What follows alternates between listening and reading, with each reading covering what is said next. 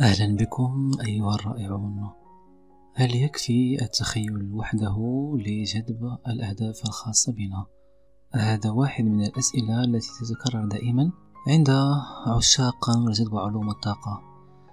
عزيزي المشاهد عندما تقوم بحصص التخيل فهذا شيء رائع جدا لإضافة الطاقة الإضافية للهدف الذي تريده.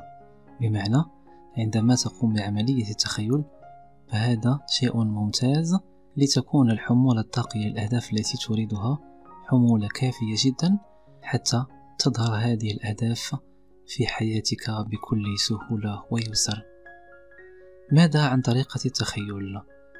دائما حاول أن تأخذ أنفاسا قوية جدا وتقوم بهذه العملية كما لو أن هذا الشيء معك الآن وبالتالي تزداد الحمولة الطاقية حتى تصبح على استحقاق وتوافق طاقي مع هذا الهدف.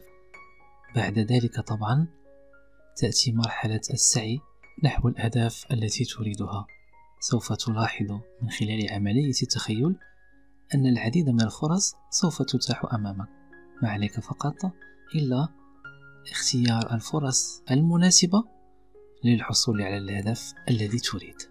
وبالتالي تكون عملية التخيل عملية مهمة جدا في الجذب وتطبيقات قانون الجذب أيضا. لكن دائما أقول احرص على المشاعر. عندما تكون في حصص الخاصة بك للتخيل حاول أن تربط ذلك بالمشاعر فهي دائما وأبدا الأساس في كل شيء. يوسف حسن في أمان الله.